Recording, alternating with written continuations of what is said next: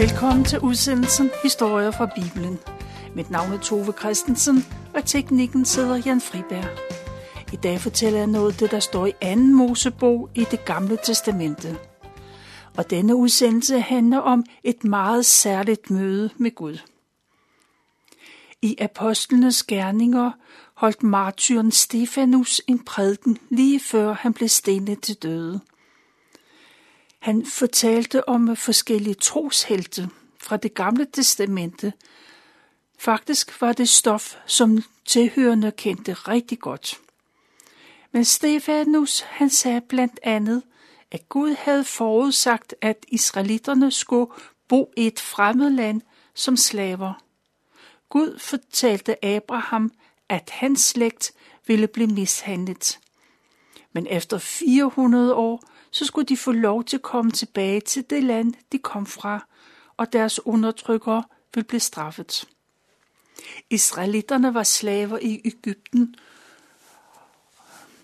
øh, og det, når der var videregået de 400 år, så voksede det egyptiske folk, og det blev et, øh, et, et talstærkt folk. Og så kom der en ny konge til magten, og han udnyttede israelitterne groft og mishandlede dem. Han lavede, blandt andet tvang han de israelitiske forældre til at drukne deres spædbørn i Nilen. På den måde blev Moses født, eller på den tid, og Gud synes godt om barnet. I tre måneder passede moren den lille dreng i al hemmelighed. Men til sidst lagde hun ham i en kurv og satte ham ud i Nilen. Og der fandt da øh, Faros datter ham og adopterede ham. Og Moses blev oplært i Ægyptens visdom og voksede op, og han blev en magtfuld mand, både i ord og gerning. Og Stefanus fortæller videre, at da Moses var 40 år gammel, besluttede han at opsøge sine landsmænd, Israels folk. Under et besøg blev han øjenvidne til, at en Ægypter mishandlede en israelit. Moses angreb Ægypteren og slog ham ihjel.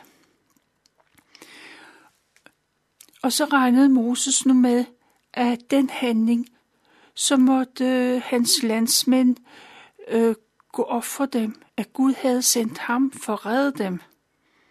Men det forstod de slet ikke. For næste dag så fik øh, Moses øje på to israelitter, der var oppe at slås. Og han forsøgte sig at lægge imellem dem og råbte, Stans, hvorfor slås I, når I er landsmænd? Men manden, som var årsag til slagsmålet, skubbede Moses til side og sagde, Hvem har sat dig til at dømme os imellem og være vores leder? Du vil måske slå mig ihjel, ligesom du i går slog Ægypteren ihjel. Da Moses hørte det, så flygtede han hurtigt ud af landet og boede som fremmed i Midians land. Der blev han gift og fik to sønner. Så langt apostlenes gerninger. Citaterne er fra oversættelsen Bibelen på hverdagsdansk. Ifølge apostlenes gerninger var Moses på forhånd klar over, han skulle udfri israelitterne fra slaveriet i Ægypten. Men israelitterne forstod slet ikke hans gode hensigter. Med det resultat, at Moses flygtede ud af landet. Moses er 40 år, da han flygter fra Ægypten og kommer til Midians land. Der møder han præsten Jethro og hans døtre. Moses gifter sig med en af præstesdøtrene, nemlig Sipora. Moses slår sig ned og bliver forhyrte for sin svigerfar, og han er indstillet på at leve som flygtning og forhyrte resten af livet. Og Moses er hyrde i 40 år. Men da han er 80 år, kommer han en dag usædvanligt langt væk hjemmefra. Han er langt inde i Sinai-ørkenen ved Horebs bjerg, Guds bjerg. Der ser Moses en tornebus, der brænder, men den brænder ikke op. Der er ikke noget usædvanligt i, at buske brænder. Men denne her busk, den bliver ved med at stå i flammer. Moses går tættere på for at se, hvad det er for noget. Men med et taler der en stemme. Det er Gud, der er inde i flammerne. Det er hans stemme, der kalder. Moses, Moses, råber Gud fra den brændende tornebusk. Ja, siger Moses. Men han ved ikke, hvem det er, der taler, for Moses kender ikke Guds stemme. Og han kender måske knap nok Gud, for Moses er jo vokset op med de egyptiske guder. Gud advarer Moses. Han må ikke komme for tæt på den brændende tornebusk. Han skal tage sine sandaler af. For Moses står på hellig grund, og den må ikke snavses til af fodsåler, der har trådt i lidt af hvert. Inde fra busken siger Gud, at han er israeliternes Gud. Han er Abrahams, Isak og Jakobs Gud. Dengang boede de i Kanaan, og Gud gav dem et løfte om, at han altid vil være hos deres slægts, dem der blev kaldt for israelitter. Moses hører Guds stemme, og han dækker sit ansigt med hænderne, for han er bange for at se Gud. For Gud er hellig. Ham skal man ikke stå til ansigt til ansigt med. Det ved Moses. Gud siger, at han er klar over, at israelitterne blev undertrykt i Ægypten. Han har hørt deres skrig fra, om frihed, om frihed fra deres brutale slavetilværelse. Nu vil Gud handle. Han vil føre israelitterne til et godt land. Et land, hvor der er masser af plads, og som flyder med mælk og honning. Slavefolket skal snart være frie mennesker i Kanaans land. Lige nu bor de godt nok andre folkeslag i Kanaan, men Gud vil drive dem ud af landet, så israelitterne kan bo der. Gud siger, at Moses skal stå i spidsen, når israelitterne skal ud af Ægypten. Det indebærer, at Moses skal gå til farve med krav om frihed for sit folk. Men Moses er fuld af undskyldninger. Han er ikke den rigtige til den opgave. Han kan umuligt træde frem for farve med det krav. At bede den mægtige farve om, at alle hans slaver skal rejse, sådan uden videre. Moses har ikke mod til at gå til farve. Han har ikke mod på at bede om tre millioner mennesker, og hans slaver skal forlade landet. Moses ved, at farve er afhængig af de slaver. Uden dem vil landet de vil gå i stå. Moses synes slet ikke, at han er værdig til den opgave. Han vil slet ikke forlange noget som helst. Men Gud svarer, at han nok skal være med Moses. Gud giver det løfte, at snart vil alle israelitter stå på Sinai bjerg, og der skal de sammen tilbe Gud. Bare vent, Moses. Om kort tid vil du komme til at opleve det. Tænk at stå på Guds bjerg og tilbe Gud sammen med Guds folk. Løfterne er store og herlige, men Moses er ikke overbevist. Hvis han virkelig går til Israel folk, så vil de med det samme spørge, hvad det er for en Gud, der er at tale om. Og hvad skal Moses så svare? Moses han er jo vokset op med alle Ægyptens guder. Ja, selv Faro er blevet tilbedt som en gud. Gud er et vidt begreb for Moses. Og så tager Gud Moses bekymring helt alvorligt, og han svarer, at Guds navn er Jeg er. Jeg er den jeg er, eller JHWH. I Bibelen oversætter man JHWH med Herren, eller Gud Herren. Det er det navn, som Israels Gud skal blive kendt under. Og Gud forklarer, at det første Moses skal gøre, er at gå til israelitterne og sige, at Abraham, Isak og Jakobs Gud vil føre dem ud af Ægypten, så ved israelitterne godt, hvem det er. Gud skynder på Moses. Han skal tage afsted med det samme og kalde alle Israels ledere sammen. Og Moses skal minde israelitterne om, at Gud har lovet, at han vil føre dem ud af Ægypten og ind i Kanaans land. Og så forbereder Gud Moses på, hvad der skal ske. Først så skal israelitterne acceptere, at Moses taler på deres vegne. De må gøre op med sig selv, om de i det hele taget vil frelses. Men Gud forudsiger, at det ikke er noget problem, for lederne vil tage godt imod Moses, og de vil føre, følge ham op til farve.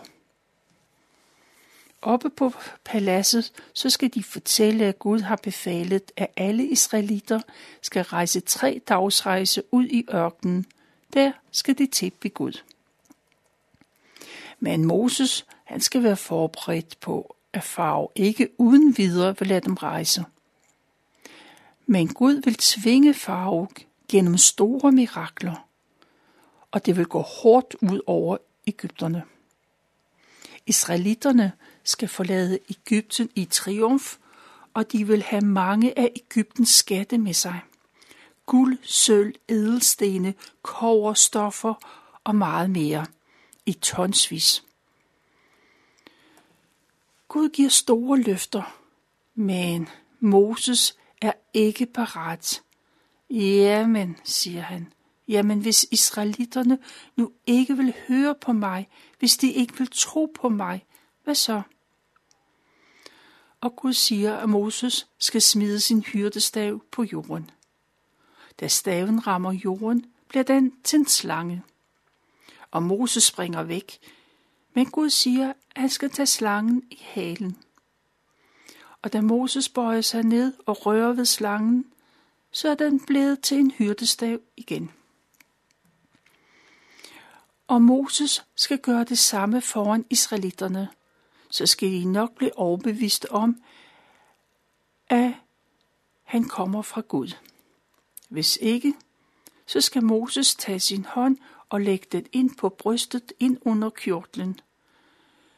Da Moses tager hånden ud igen, så er den kridhvid af spedalskhed. Og så tager Moses igen hånden ind under skjorten, og så er hånden helt frisk igen. Hvis israelitterne er i tvivl efter det første mirakel, så skal de nok føle sig overbevist efter det andet. Spedalskhed af en uhebredelig sygdom. Hvis israelitterne alligevel ikke anerkender Moses, så skal han tage vand fra Nilen og hælde det ud over det tørre jord.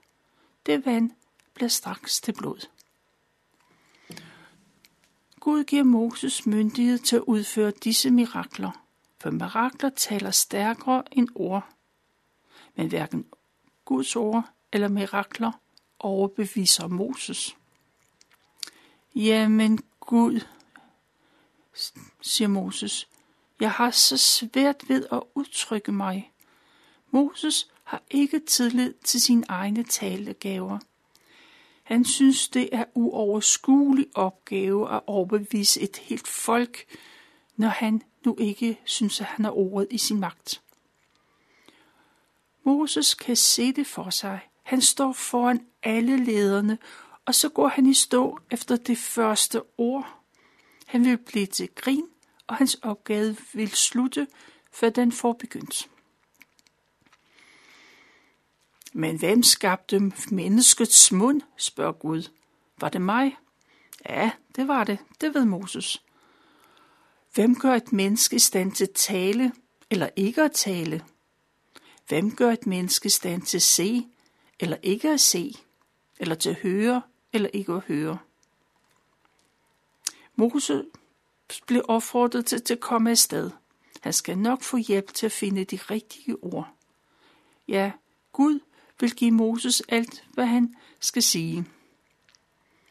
Men Moses protesterer endnu en gang. Gud, send dog en anden. Moses vil ikke påtage sig den opgave, som Gud har givet ham. Moses står foran Gud ved tornebusken, og han takker nej. Og nu bliver Gud vred. Godt, siger han. Din bror Aaron, han kan tale for sig, og han er allerede på vej for at møde dig. Og arbejdsopgaverne bliver sådan, at Gud taler direkte til Moses, og Moses siger det videre til Aaron, og så skal Aaron øh, være Moses' stemme. Gud forkaster ikke Moses, men opgaverne bliver fordelt. Moses skal forresten lige huske, at han skal tage sin hyrdestav med, når han går. Den skal bruges, når han skal udføre de mirakler, Gud viser ham. Hyrdestaven er nu ikke længere en almindelig stav. Det er blevet til Guds stav. Det er en stav, Gud kommer til at udføre store mirakler igen.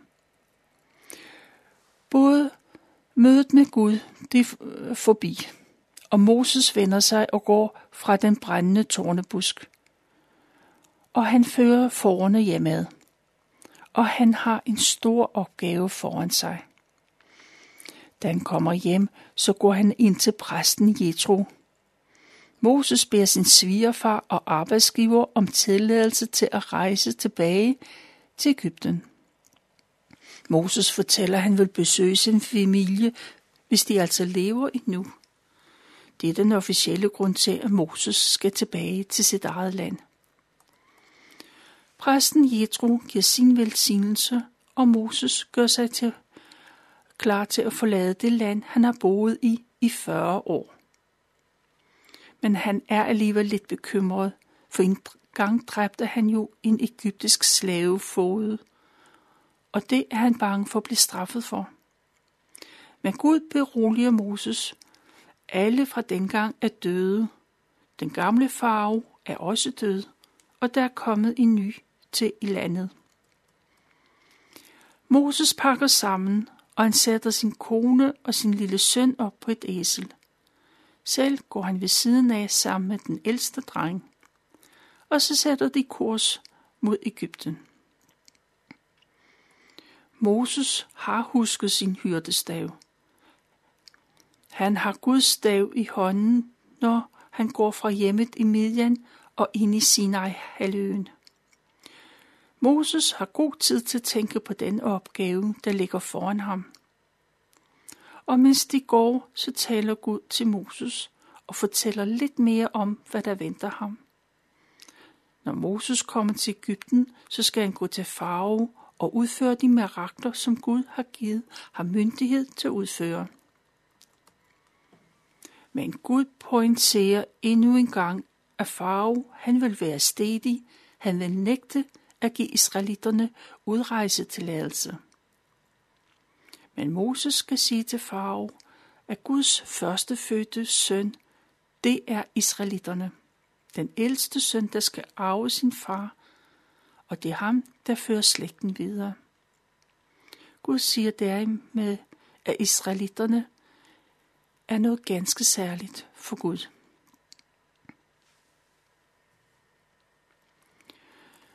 Moses og hans familie går gennem Sinai-halvøen, og de overnatter på et herværv.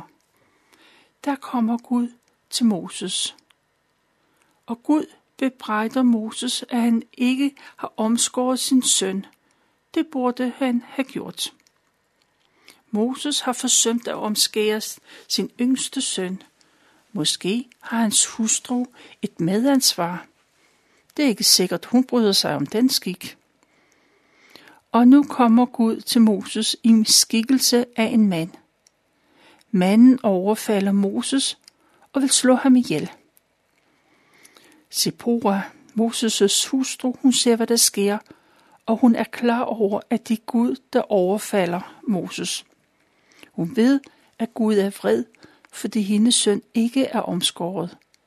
Derfor må hun handle, selvom det byder hende imod. For at redde sin mand, så tager Sephora en skarp flinteskniv, og hun omskærer sin søn. Hun lader sønnen bløde kortveje, for hun kan beholde sin mand. Efter den handling lader Gud Moses være i fred. I Ægypten, der er Aaron. Han går fra sit arbejde og sine forpligtelser som leder for sit folk. For Gud har talt til ham. Han skal gå sin bror Moses i møde, og så skal de mødes ude i ørkenen. Aaron har ikke set Moses i 40 år, men han går på Guds bud, uden præcist at vide, hvad der venter ham. Og de to brødre, de møder hinanden på Guds bjerg, på Horeb. Gensynet, det bliver godt. De omfavner hinanden hjerteligt. Og Moses fortæller, at han har mødt Gud netop på det bjerg, de står på. Og han fortæller sin bror om tårnebusken, der brændte, og miraklerne og Guds stemme, der talte frihed til israelitterne. Og Moses fortæller Aaron, at han skal gå til farve for israelitiske slaver, de kan blive fri. Deres tid som slaver er forbi. På den anden side så fortæller Aaron sikkert om forholdene i Ægypten. Han fortæller, hvad der er sket de sidste 40 år. De har meget at tale med hinanden om. Aaron er en af israelitternes ledere, og han kender til forholdene. Og mens de går mod Ægypten, så er det god tid til samtale. Da de når frem, så indkalder Moses og Aaron de israelitiske ledere til et møde. Da de samlede, så fortæller Aaron, hvad Gud har sagt til Moses. For at understrege sine ord, så udfører Moses de mirakler, der skete ved den brændende tornebusk. Moses smider sin stav, og den bliver straks den slange. Og han viser, hvordan hånden bliver ved som spedalsked, når han tager den inden for kjortlen, og er ren igen, når den er kommer ud. Ved at høre hans tale og se miraklerne, er lederne overbeviste. De er klar over, at Gud vil redde dem ud af slaveriet. Alle Moses' betænkeligheder er gjort til skamme.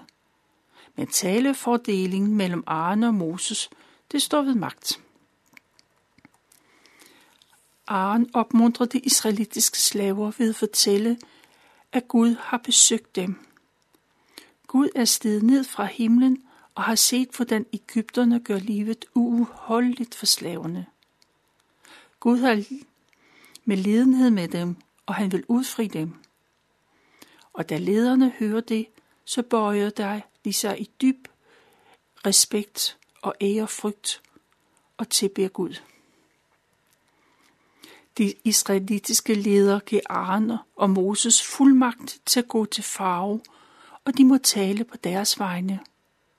De er klar over, at det er en opgave, der kræver mod og mandshjerte.